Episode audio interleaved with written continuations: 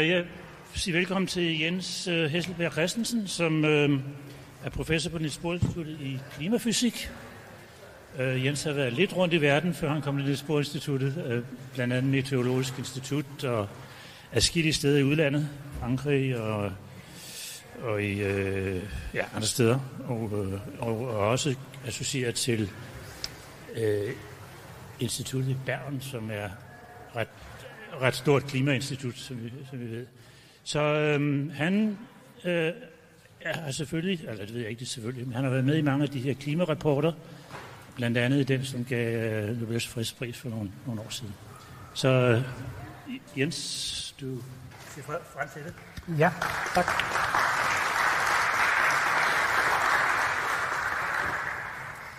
Så det, som jeg jo har blevet bedt om at snakke om, og som jeg har snakket om længe, øh, det, er sådan en, det er sådan en spoiler af humøret. Øh, og det øh, vil jeg jo sådan tage fat på, sådan ligesom og, og, og rulle det lidt ud i nogle af de øh, elementer, som, som handler om et, et, et emne i, i fysikken, som mange af jer virkelig kommer til at tænke på miljø i stedet for. Og øh, I er jo sikkert alle sammen bekendt med, at der i øjeblikket er en konference i, i Glasgow, Glasgow i Skotland, hvor, vi, vi, man taler om at følge op på Paris-aftalen. Og man kan også sige, at i, i forhold til, til mange af de ting, som, som klimaforskningen har bidraget med over de sidste øh, 30 år siden FN's klimapanel blev etableret, ja, der kan man sige, at det har jo i bund og grund øh, lukket sig selv. Altså i den forstand, at øh, det de første vurderingsrapporter fra klimapanelet kom frem med og sagde, at det her med menneskeskabte effekter, det var noget, man skulle tage alvorligt, til at nu er det taget alvorligt, og så kan man tage en Greta Thunbergsk tilgang og sige, at det er ikke taget alvorligt nok. Men, men faktum er, at øh, verden har indgået en prisaftale, og alle verdens lande taler om grøn omstilling. Øh, og det vi selvfølgelig alle sammen godt ved, det er, at der ligesom ligger nogle ting i kortene, der handler om, at øh, det skal også implementeres, og for at det skal virke så, og, og på en måde, sådan så, så øh, klimaforandringerne bliver så, så, så, så begrænset som muligt, så er det noget, der ved at skal gå rimelig stærkt. Så, så min plan her i, i dag, det var at tage lidt fat på øh, og tale om det øh, fysiske klimasystem, og prøve at, at tage nogle udpluk fra den sidste hovedrapport, der kom tilbage i august. Det bliver selvfølgelig nogle emner, som jeg har valgt at bringe. Det er selv summary for policymakers, det er på 20 sider, så man kan ikke nå at bringe det alt sammen. Jo, jeg kunne godt vise alle statements, men så kunne jeg jo ikke dykke ned i nogen af dem. Så lad mig starte med en type kurve, som I har set så mange gange, så I egentlig ikke behøver at se den mere. Det her det er den globale middeltemperatur, som er defineret ved, at der, der rundt på kloden står øh, øh termometre, der er sat op efter en helt eksplicit formel, så man kan måle tilstanden i atmosfæren på en måde, sådan så det giver mening i at lave vejrudsigter. Sådan blev de etableret oprindeligt tilbage i de første og blev sat op i 1850'erne, og så omkring 1880, som man kan se på den her graf, ja, der var det sådan, at, øh, at verden, stort set alle øh, verdensdele, og især de steder, hvor der var, var englænder og, og franskmænd til stede, ja, der, der etablerede man meteorologiske tjenester. Og det betyder, at man har data, der går tilbage dertil, med nogenlunde globalt dækning, og så må man lave et, et middel over kloden på en eller anden façon, som man prøver at holde ens, på trods af, at mængden af data varierer over tid. Og ud af det kommer så et diagram som det her, som viser på årsbasis afvielsen for øh, temperaturen øh, midlet over det sidste århundrede, altså det hele det 20. århundrede, og de blå øh, elementer, de er koldere end det gennemsnit, og de røde, de er, er varmere. Og, og man kan sige, at hvis vi sådan ligesom holdt kurven lidt tilbage til, øh, og, og så på det fra, frem til og med, lad os sige 1960, ja, så kunne man godt se, at der havde været en stigning i den sidste tid, men, men øh, det var jo først e, efter det, at det for alvor begyndte at, at folde sig ud. Og helt, en af anledningen til, når vi når hen til 1990, at øh, man kort inden det begyndte at tage det op i, i en international fora, sådan så FN's klimapanel blandt andet blev etableret. Um, skal jeg lige se, om den skiftes, som jeg vil have. Det gjorde den ikke endnu. Jo, den gjorde, at den, den minder mig lige om at skulle sige, at, at øh, sommeren i år faktisk allerede bød på noget, der lignede endnu en rekord, altså af juli 2021. øh, se, på, på det datagrundlag, der ligger. Man kan øh, estimere det her på forskellige måder, men på den måde, som vores kollega ved, i en amerikansk vejrtjeneste gør det her, der blev det den varmeste juli nogensinde. Den anden del af det her, det handler om vores forståelse af kulstoffets kredsløb, og det kunne jeg lave en, en det kunne hele den her seance handle om. Øh, men øh, en del af det kredsløb, det er, at der er kulstof, som indgår i fotosyntese og nedbrydelse af, øh, når, når forrådelser finder sted og så, videre, så vi har et kredsløb, hvor kulstof bliver en del af biologien, og det er i virkeligheden den vigtigste pumpe i hele kulstofkredsløbet. Men der er også, som I er bekendt med, øh, nogle, nogle, øh, nogle lager af kulstof. Stor del af jorden består af kulstof. For eksempel er, er det meste klippet, det glemmer I at tænke over sikkert, men det er en, en del af det er jo også kulstof, calciumkarbonat. Så, så der er masser af kul på jorden. Og, og noget af det biologi, der har været tidligere, det er endt op og blevet presset sammen og lavet til olie og gas og kul, som vi i de sidste knap 200 år har, måske længere når det er kul, taget op fra undergrunden og bragt tilbage til det her system, hvor, hvor, hvor det ikke har været. Og, og i små mængder, så kan systemet håndtere det. Der er de dræn, der er i systemet, det er fotosyntese, det er havene osv., men på et tidspunkt, så er den balance øh, kommet i uligevægt, og så hober der drivhusgasser sig op i atmosfæren.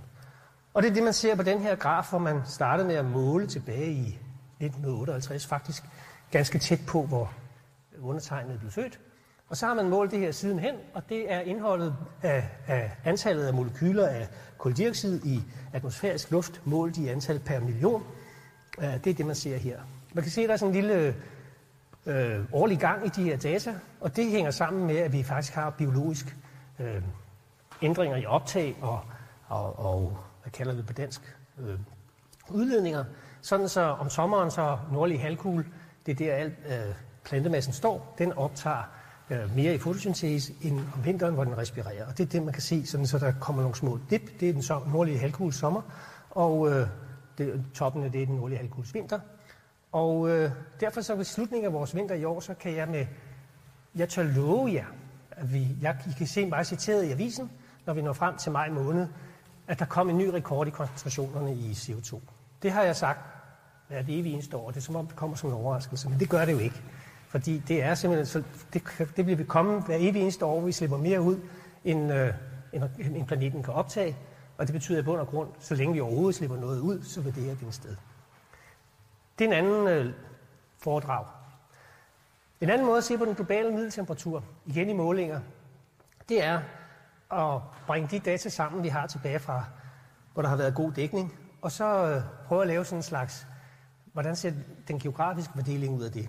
Her er en animation fra, fra kollegaer ved NASA, hvor man har taget sådan en femårs glidende middel, og hvis ikke man gør det, så vil den film, jeg nu starter, den vil sådan se meget, meget hoppende og dansende ud. Men der er det sådan, at vi sammenligner nu i forhold til perioden 50-80, så der, hvor der er blåt, der er der køligere end 50-80, og hvor der er orange og rødt, der er det varmere. Og mens jeg snakker nu, så er vi jo sådan noget cirka midtvejs i århundrede, og jeg ser den her generelle blå farve, den er sådan så småt øh, ved at aftage blive gullig, men der er også sådan store afviser regionalt og lokalt. Men samtidig med det, og vi nærmer os nu slutningen af den her periode, ja, så skifter billedet fra, at til oprindeligt var gennemgående blåt, til at det overvejende er rødt nu, og meget få blå pletter tilbage. Så når man sådan globale middeltemperatur siger, at vi har global opvarmning i den, så kan man vente rundt og sige, at opvarmningen er faktisk global. Der er meget få steder på jorden, hvor temperaturen ikke er steget i den her periode.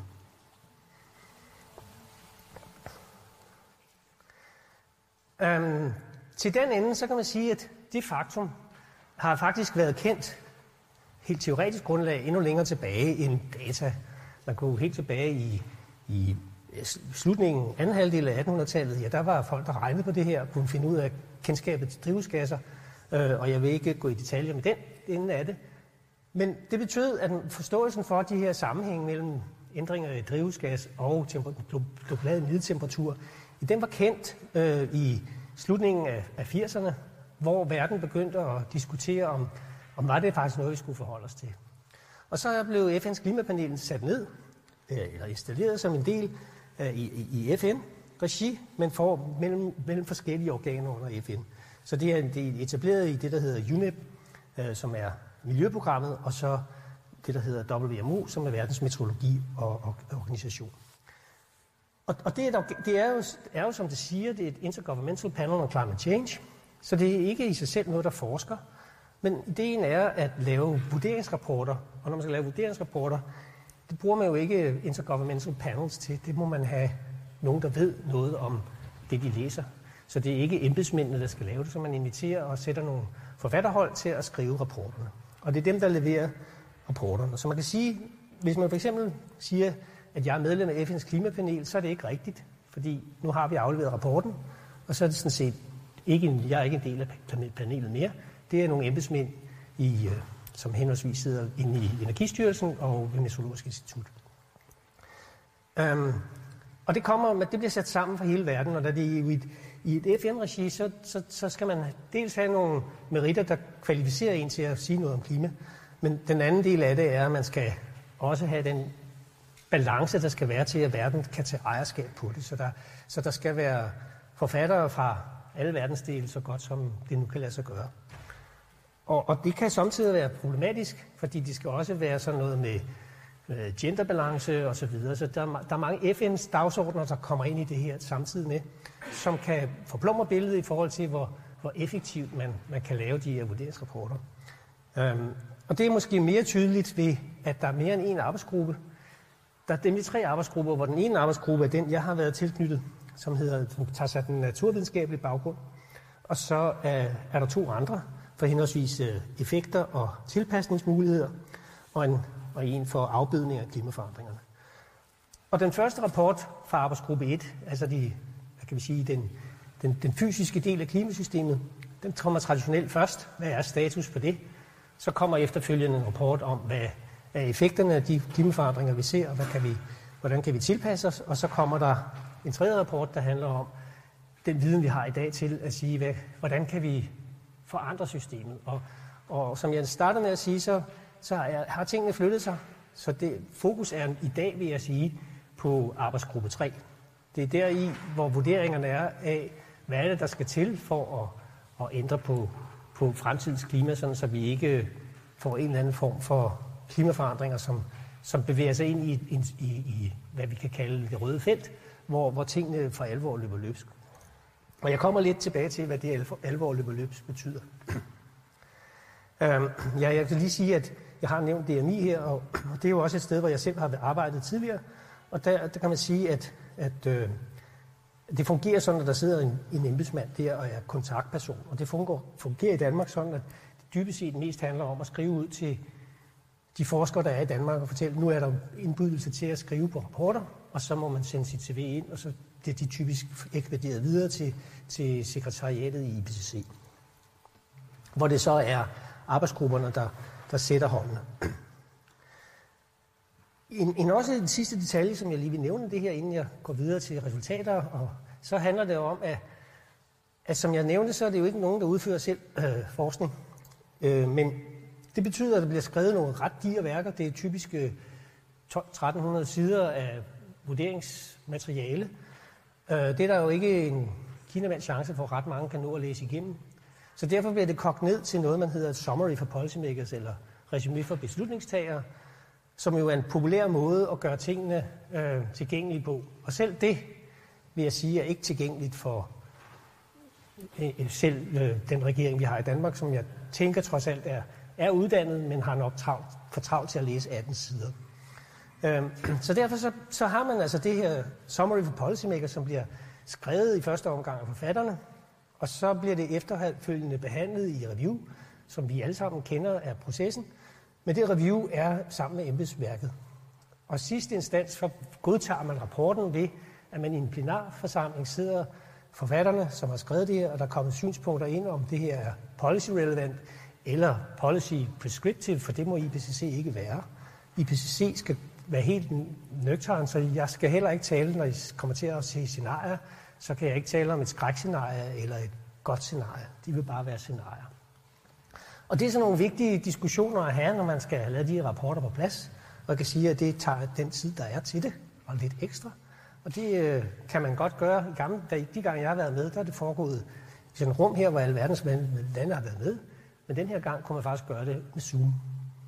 Så faktisk er det den bedste kan vi sige, måde, at IPCC selv har forholdt sig til det der med at ikke rejse alle sammen hen et eller andet sted og holde møde. Men øh, så kan vi så spørge om, hvor meget det koster at zoome. Det er en anden historie. Hvorom alting er, man, man ender med at, at komme frem til et produkt, der bliver godkendt i øh, plenarforsamlingen. Og når man har godkendt øh, SPM, ja, så er den underliggende rapport også godkendt.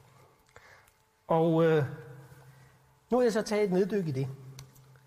Og man kan sige, at øh, lige ud over selve hovedbudskaberne, så er jeg lige nævne, at der findes noget, der hedder et interaktivt atlas. Det er der, jeg selv var tilknyttet i den her runde, som noget, der hedder øh, review editor. Og der er rollen egentlig at holde øje med alle de faglige kommentarer, der kommer ind, at de bliver besvaret korrekt. Og ja, det, er ikke, det er ikke som, når man skriver en artikel. Der kommer nemlig typisk fem, mellem 500 og 1500 review-kommentarer ind fra forskellige personer. Så det er rigtig mange og samtidig trækker nogen den retning og nogen den retning. Så det handler om at have styr på, for det første, hvordan man svarer, men det handler også om, at man i den første version sagde, at man vil gøre sådan, og så kommer der en ny version, og man skal rette igen. Så kan det være, at man siger, at man går, tilbage til, går man tilbage til det andet, og så, det skal man jo holde styr på. Og det kan være lidt vanskeligt, men også samtidig skal skrive. Så jeg har ikke været del af at skrive det, men, men selve atlaset. Og det er samtidig med noget helt nyt. Det er interaktivt, så man kan gå ind på IBC's hjemmeside, og så kan man begynde at lege lidt med, hvordan kommer verden til at ændre sig. Ikke bare i Danmark, men også resten af verden. Og så man kan se på det på en konsistent måde, sådan så det ikke er, har været indenunder, hvad jeg ville nu have gået hen på, hvis jeg var på DMI, så ville jeg have en DMI-hat på og sige, kom ind og se vores klimaatlas, det er sådan, det er på Danmark, i Danmark. Det er vores fremtid. Men her er en fremtid, som er konsistent verden rundt. De samme typer modeller, den samme type analyser.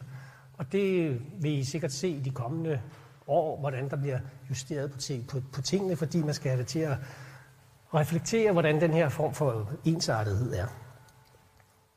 Øhm, en af tingene, som det, der sker undervejs i den tid, hvor IPCC eksisterede, det er jo, at der dels er kommet mange flere data til 30 år.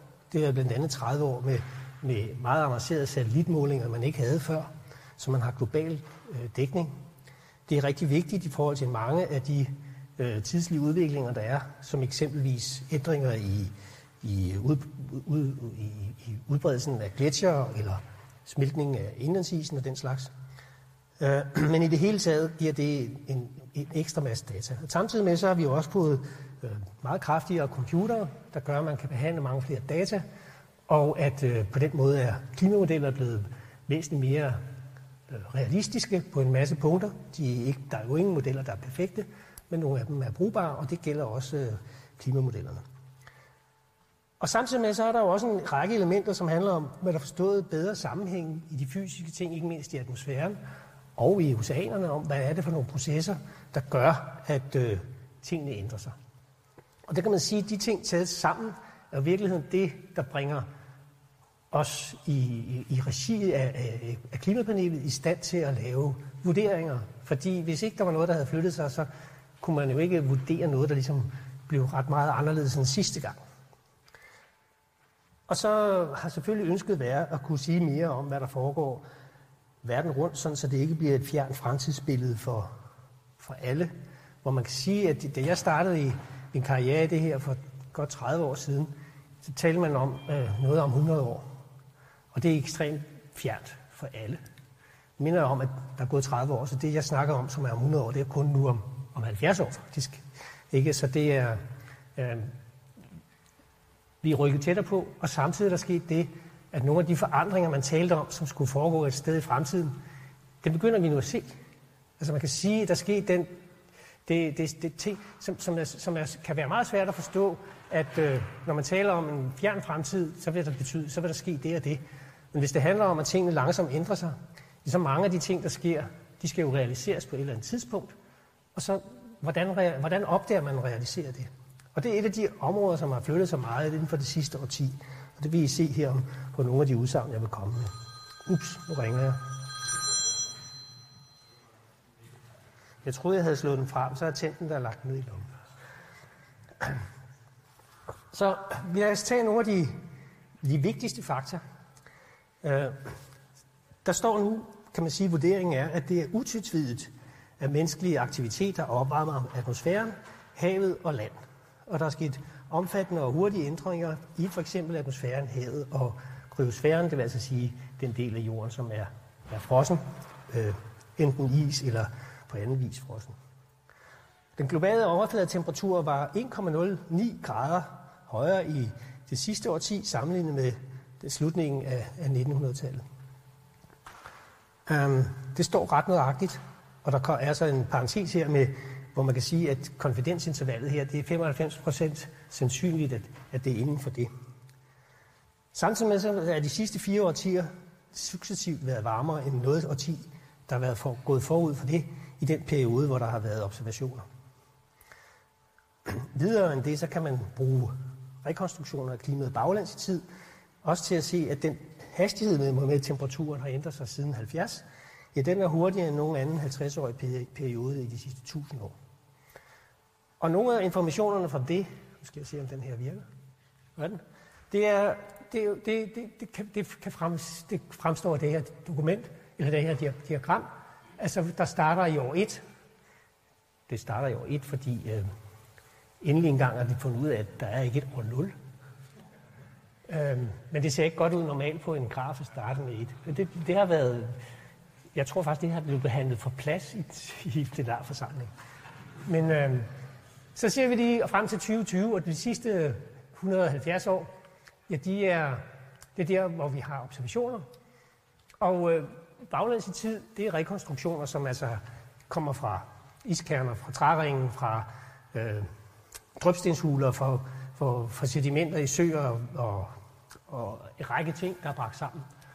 Og jeg ser også, at der er en, et lille område herude, som, som på samme måde er rekonstruktion af temperaturerne tilbage i det, der hedder det holocene optimum. Det var på det tidspunkt, hvor, hvor jordens bane var sådan, så øh, hvad kan man sige, jordens, jordens akse, den, den vipper en lille smule mellem de, vi har nu øh, godt 23 grader øh, fra, nord, fra, fra hvad, i forhold til, til, til, til hvad kan vi sige, øh, baneplanet omkring solen.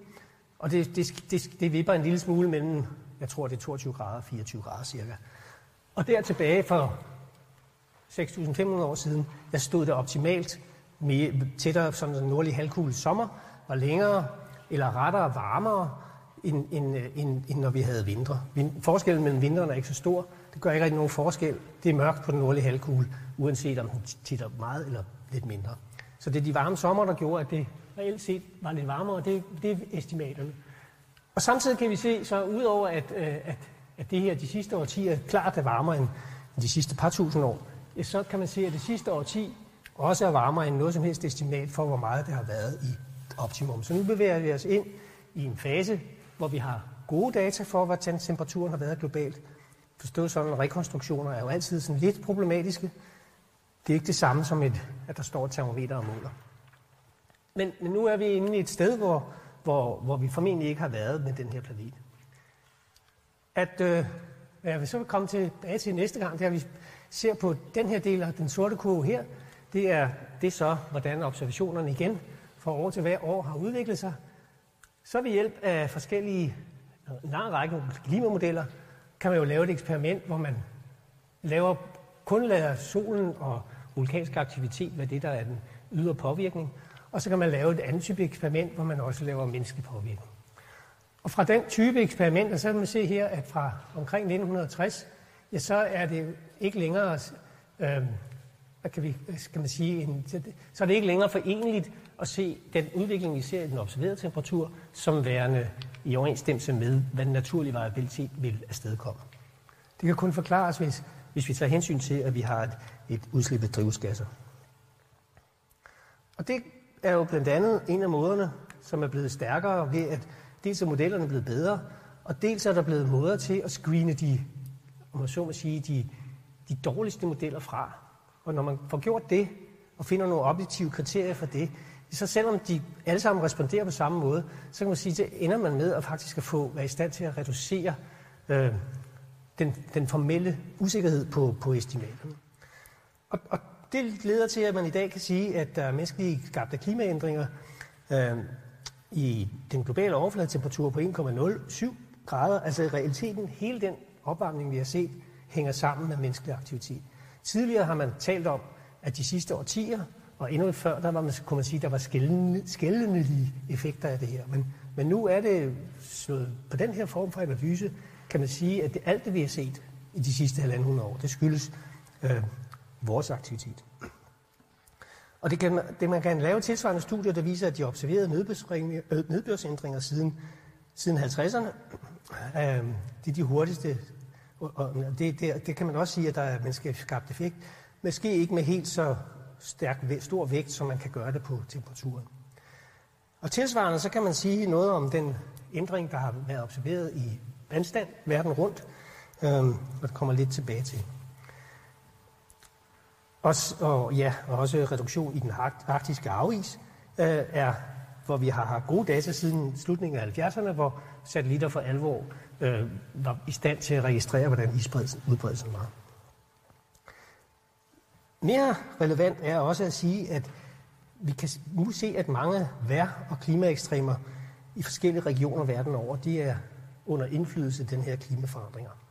Så de varme ekstremer og hedebølger, der er blevet hyppigere og mere intense rundt omkring på kloden, dem er, de er meget mere sandsynlige, og det er dermed kunne siges, at, at det er højst sandsynligt årsagen til, at vi ser dem både i, i blive så ekstreme og så hyppige, at det hænger sammen med, at vi har øh, ændret klimaet.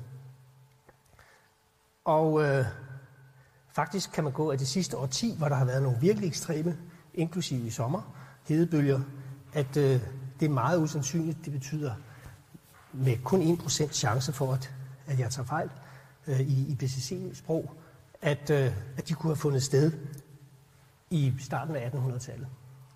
Så, så man kan sige, at den type, det, det er jo meget stærkere øh, udsagn, end hvis jeg havde holdt det her foredrag, da den sidste rapport blev lavet, som kom tilbage i 2013. Der ville vi sige, at det var den vej, der gik. Nu siger vi, at øh, det er sådan, det er, og vi er midt i det. Kraftige nedbørshændelser tilsvarende de er stærkt siden 50'erne øh, over de fleste landområder, men der er det vigtigt at holde fast i, at, at nedbør kan være vanskeligt, fordi man jo observationsmæssigt mange steder ikke har den længere tilbage end til 50'erne. Og, nogen, og, og mange, hvis man skal se på ekstremværdier, ja, så bliver statistikken jo ringe. En, en 50-års hændelse, det betyder i princippet noget, der kun overgås en gang hver 50. 20. år. Så der, der er ikke ret mange af de her ekstreme hændelser mange steder. Ikke desto mindre, så kan man øh, se på, at ekstremerne bliver mere ekstreme. Og hvis vi ser på hedebølger, så er varmeekstremer sådan, at, at hvis man går tilbage og ser på det i, i øh, slutningen af, af 1900-tallet, ja, så hvad der forekom en gang hver 10. år, det får vi i dag cirka knap hver tredje år. Bare ved halvanden grader, så er det fire år. Og øh, henholdsvis 2 og 4, ja, ved 4 grader varmere verden, så bliver den slags hedebølge nogen, der kommer hver evig en storm. Så tager man til nogle lidt mere ubehagelige, nogle 50-års hændelser, hvor den naturligvis er endnu varmere, ja, der kan man sige, at hvis de forekommer en gang øh, i, øh, i den her periode, så kommer de fem gange så hyppigt nu. Bare en halv grad mere, så er vi oppe i nærheden af 10. To grader, så kommer de øh, så kommer de 15, knap 15 gange øh, i løbet af en 50-års periode. Og hvis vi kommer op i 4 grader, så kommer de også næsten hver årligt. Så man kan sige, at, at ekstremernes, øh, jo, jo mere ekstrem tingene er, jo mere kan man sige, at, at det skift, vi kommer til at opleve, det bliver, at, at, øh, at halerne på fordelingerne, det, det er ligesom dem, der går hen og bliver normen mange steder. Tager man skridtet til, til nedbør, er det historien lidt den samme. Øhm, der kan man sige, at øh, hvis man havde en 10-årshændelse, som i Danmark generelt set ikke er problematisk, men hvis I tænker på øhm, almindelige parcelhuskvarter, så kan, man, så kan I tænke på det sådan, at øh, klokeringen til, til at håndtere afløbet fra vejene, de er dimensioneret til en 2-årshændelse. Så en 10-årshændelse, det vil betyde, at der er nogle steder, ved, hvis det er i København, så kommer der vand i viadukterne og alle mulige steder vand på hovedet på vejen og så videre. Så, så tiershændelse er nok til, at vi kan mærke det. Der skal mere til, hvis kælderne bliver oversvømmet helt generelt og store sådan forsikringsrelaterede katastrofer, men det er noget, der mærkes. der sker ikke så voldsomt meget på, på en enkelt grad, men hvis vi skruer lidt op, så den slags hændelser i en halvanden grads varmere, som jo er det, der er modsætningen i Paris, Øh, ja, så kommer vi op i noget, der er knap fordoblet i forhold til, hvordan det var i for, for halvanden år siden. Og den slags information har jeg nu bare lige hivet det frem, jeg selv har været med i, og inviterer jer til at kigge på. Ja, det kan man, noget af det kan man hive ud, ikke bare som de her generelle tal, men man kan hive det ud og, og, og se, hvordan det udvikler sig på forskellige typer af kort. Så vil jeg kigge lidt på, hvorfor det jo egentlig er, at vi synes, det er problematisk. Altså en ting er, at det har ændret sig, men problematikken består i, hvad kan der ske i fremtiden? Og øh, der er det sådan, at man har lavet en række scenarier, der har man spillet med i alt det tid, jeg har beskæftiget mig med det her. De har så ændret sig lidt med tiden. Men her er i væsentligt fem forskellige scenarier, hvor øh, to af dem er konstrueret med henblik på at imødekomme forventningerne i Paris-aftalen ved henholdsvis 2 grader eller halvanden grad. Og det her, det viser emissionerne i, i koldioxid, hvor den lyseblå nederste, det er de halvanden grad, og den her, det er den, der er for 2 grader. Det her er så nogle andre, hvor man i, i forskellig grad får øh, håndteret det her i, i øh, eller top her, hvor man ingenting gør. Der er også scenarier for, hvordan andre drivhusgasser, som metan, øh, lattergas, og så nogle andre øh, aerosoler, som faktisk er kølende. Hvad kommer der ud af det? Ikke overraskelse, så kommer der global middeltemperatur. Det minder om en ting, man har set før. Og de her, der var konstrueret til halvanden og to grader, de lander jo så cirka halvanden og to grader. De andre, de lander så på henholdsvis 3, 4 og knap 5 grader. Så man kan sige, at øh, afhængig af, hvordan vi opgebærter os, ja, så er det muligt at begrænse temperaturstigningerne. Øh, men øh, det er også, hvis vi ingenting gør, ja, så, så kunne det øh, løbe op i den høje ende. Og konsekvenserne af dem kan man for eksempel vise her på havisen udbredelse i september. Det er de samme blå kurver her. Man kan se, at vi så at sige redder sommerhavisen i Arktis, hvis vi kan holde den over 2 grader i hvert fald i minimalistisk omfang. Hvorimod, hvis man går til de andre scenarier, så, så er der strengt taget ingen sommeris tilbage, når man øh, kommer midten af det her århundrede. En anden af de problematikker, der er, når CO2 stiger, det er, at havene optager CO2. Der er en balance mellem, hvor meget CO2 der er i atmosfæren, og hvor meget der er i havet. Og med CO2 i havet, det, det er en forsuring. Det bliver hurtigt lavet om til karbonat, så der bliver øhm, kulsyre i vandet. Og der vil man se, at der er jo en uheldig udvikling, især hvis, hvis vi kører ved de høje scenarier. Hvis man øh, kører en tand videre, så er en anden element af det, det handler om, hvad sker der så med vandstanden. Og øh, der er det sådan, at hvis vi zoomer lidt nærmere ind på det, så de forskellige scenarier, som man kan se her, det er, at, at øh, i den lave ende, så vil vi i det af det her århundrede alligevel opleve vandstandsstigninger, som ender globalt set med en, omkring en halv meter, øh, og mere i de andre scenarier. Og bidragene til det, det kommer fra, at havene udvider sig, når de varmes op, og når det varmer op, så smelter øh, isen primært på Grønland og Antarktis og bidrager til vandstandsstigninger.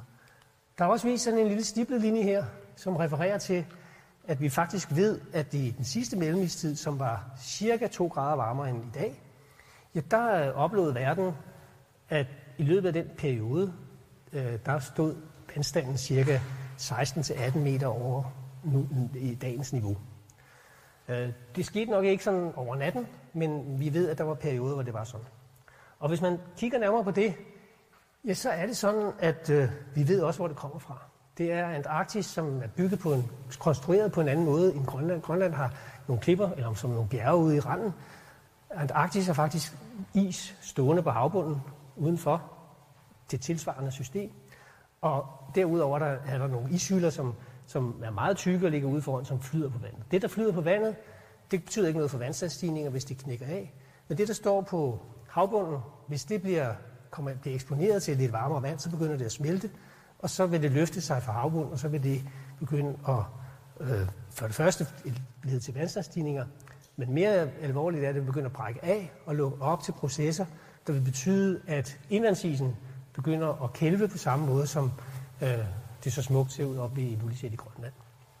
Og det er processen til, at man kan risikere, at bare inden for de her kommende par hundrede, kunne risikere nogle meget voldsomme vandstandsstigninger. Det her diagram havde vi vedemål om, det ville komme igennem øh, plenarforsamlingen. Fordi det er, det er jo et skrækscenarie.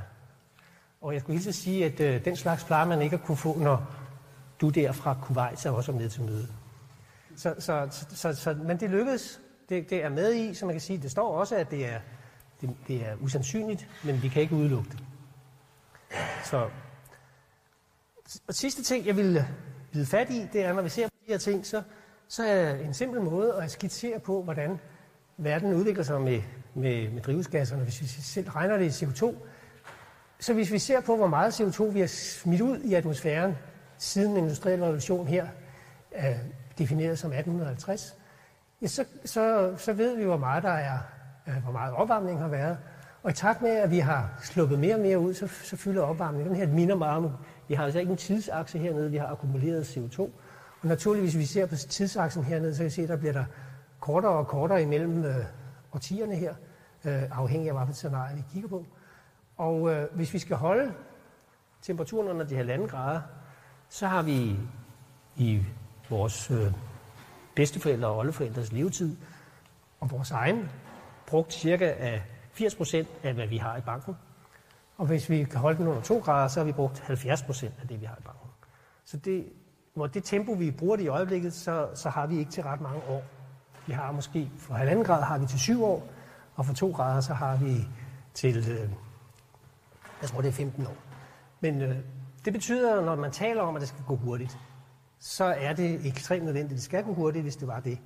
Samtidig med, så er det også urealistisk at tro, at det kan gå så hurtigt. Så derfor de scenarier, som jeg har vist jer, de taler om at gå i netto nul. Det betyder, at i 2050 cirka, så skal emissionerne gå i nul samlet set, og efterfølgende er det ikke nok, at de går i nul. Vi skal starte med at optage CO2 igen. Ellers så kan vi ikke holde den under de her grader. Og det er der ikke talt ret meget om, skulle jeg så sige. Hvad er det, vi skal gøre?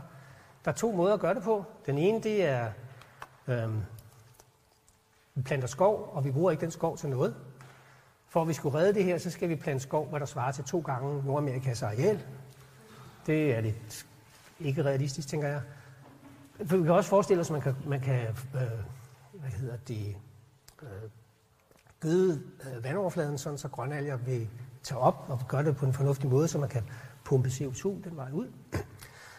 Og så kan man selvfølgelig tænke på teknologiske løsninger. Øhm, og det sidste, det er jo noget, der er populært. De der arbejdspladser, den slags. Så jeg tror, at øh, man skal ikke underkende betydningen af i sådan et forum som her, og, og sige, at der kan være noget at gå efter, både forskningsmæssigt, men også øh, innovationsmæssigt. Og det er i forhold til at de programmer, vi kan se på forskningssiden, der findes i dag, ja, der handler det rigtig meget om at kunne kigge ind i, i, i det øh, manøvrerum og sige, hvad sker der, hvordan, hvordan kan vi bidrage til den grønne omstilling igennem at det her ikke bliver sådan filantropisk, at vi pumper CO2 ud af atmosfæren, men det rent faktisk giver mening. Så derfor er jeg ved at være nået til vejs ende. Jeg vil sige, at øh, Paris-aftalen er ikke død. Den er godt nok svær, hvis det skal være de halvanden grader. Og øh, jeg har ikke lige fuldt helt op på COP26 statementet, men jeg ved, at der kommer til at stå i det, at COP27 bliver afgørende. Hvis I synes, hvis I, hvis I synes, hvis I synes, I har hørt den melodi før, så men altså, det kræver store ændringer af, hvordan vi anvender fossile brændsler. Og øh, vi skal være opmærksom på, at noget af de klimaforandringer, især når det handler om vandstandsstigninger, øh, der kan man sige, der har vi lagt i, i ovnen til noget, som vi ikke kan undgå. Vi kan ikke bremse dem. De er i gang, og de vil blive, blive ved med øh, også fremadrettet. Selv med imødekomsten af, af halvanden grad, så skal vi forudse, at der er vandstandsstigninger helt frem på den anden side af det 23. århundrede. Således var opmuntret.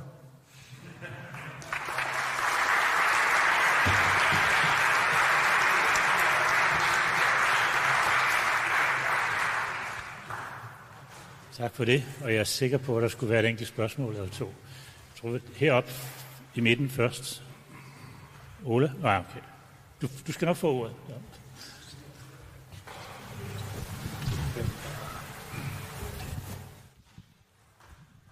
Tak. Øhm, du sagde syv et halvt år for halvanden, altså det der svarer til syv års øh, udledning for halvanden grads, og 15 år for øh, 2,0. Nu det kan det godt være, at jeg bare siger, øh, peger på elefanten i rummet, men det er jo ikke sandsynligt og du Nej, snakker men, om, at der men, skal optages bagefter. Men, men, men det er fuldstændig rigtigt, at det, at, at det er jo også det, der er fremme, kan man sige, at det, det er meget usandsynligt, at det kommer til at ske. Men man skal jo huske på, at de her scenarier, som jeg har vist, det, det, det er en måde at lave den på. Og det, og, og det er ligesom om, at de, de er pludselig blevet som om, det er scenariet for at komme til halvanden grad, to grader.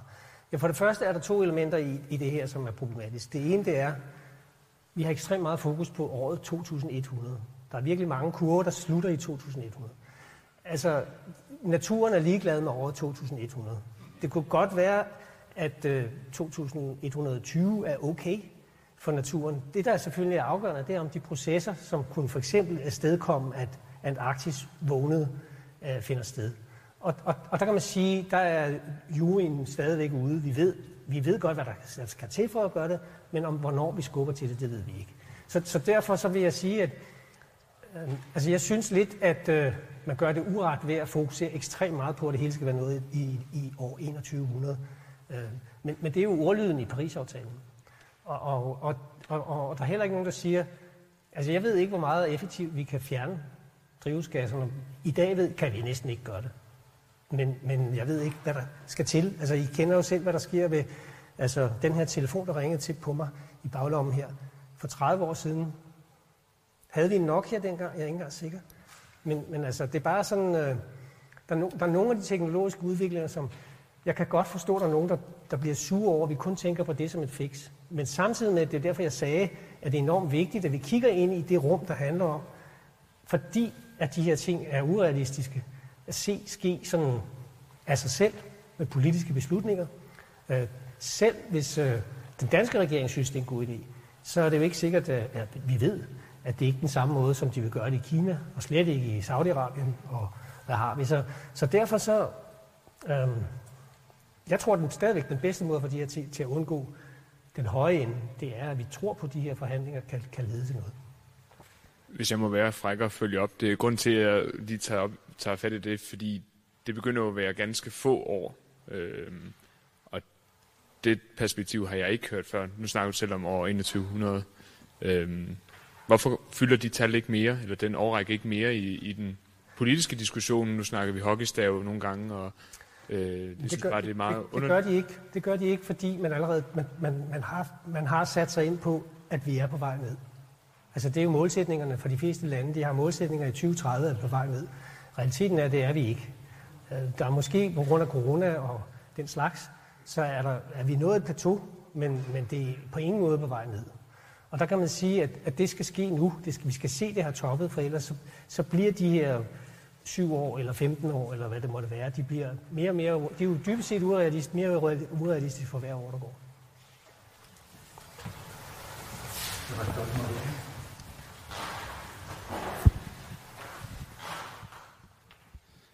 Man snakker, du snakker hele tiden om vandstandsstigninger. Har man øh, helt forkastet den øh, hypotese om lokal istid? Altså for, for, for eksempel det med den svækkede øh, grønlandspumpe?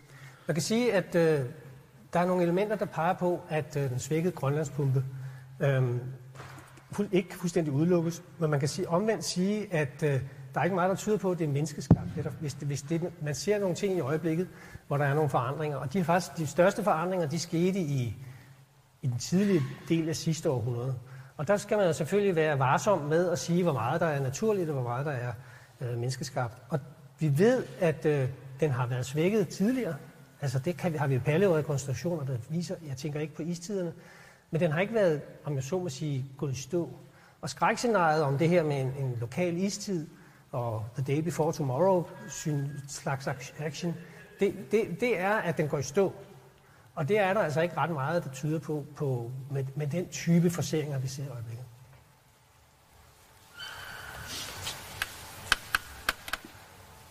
Er der flere spørgsmål? Så synes jeg, at vi siger øh, mange tak til, til, til, til Jens.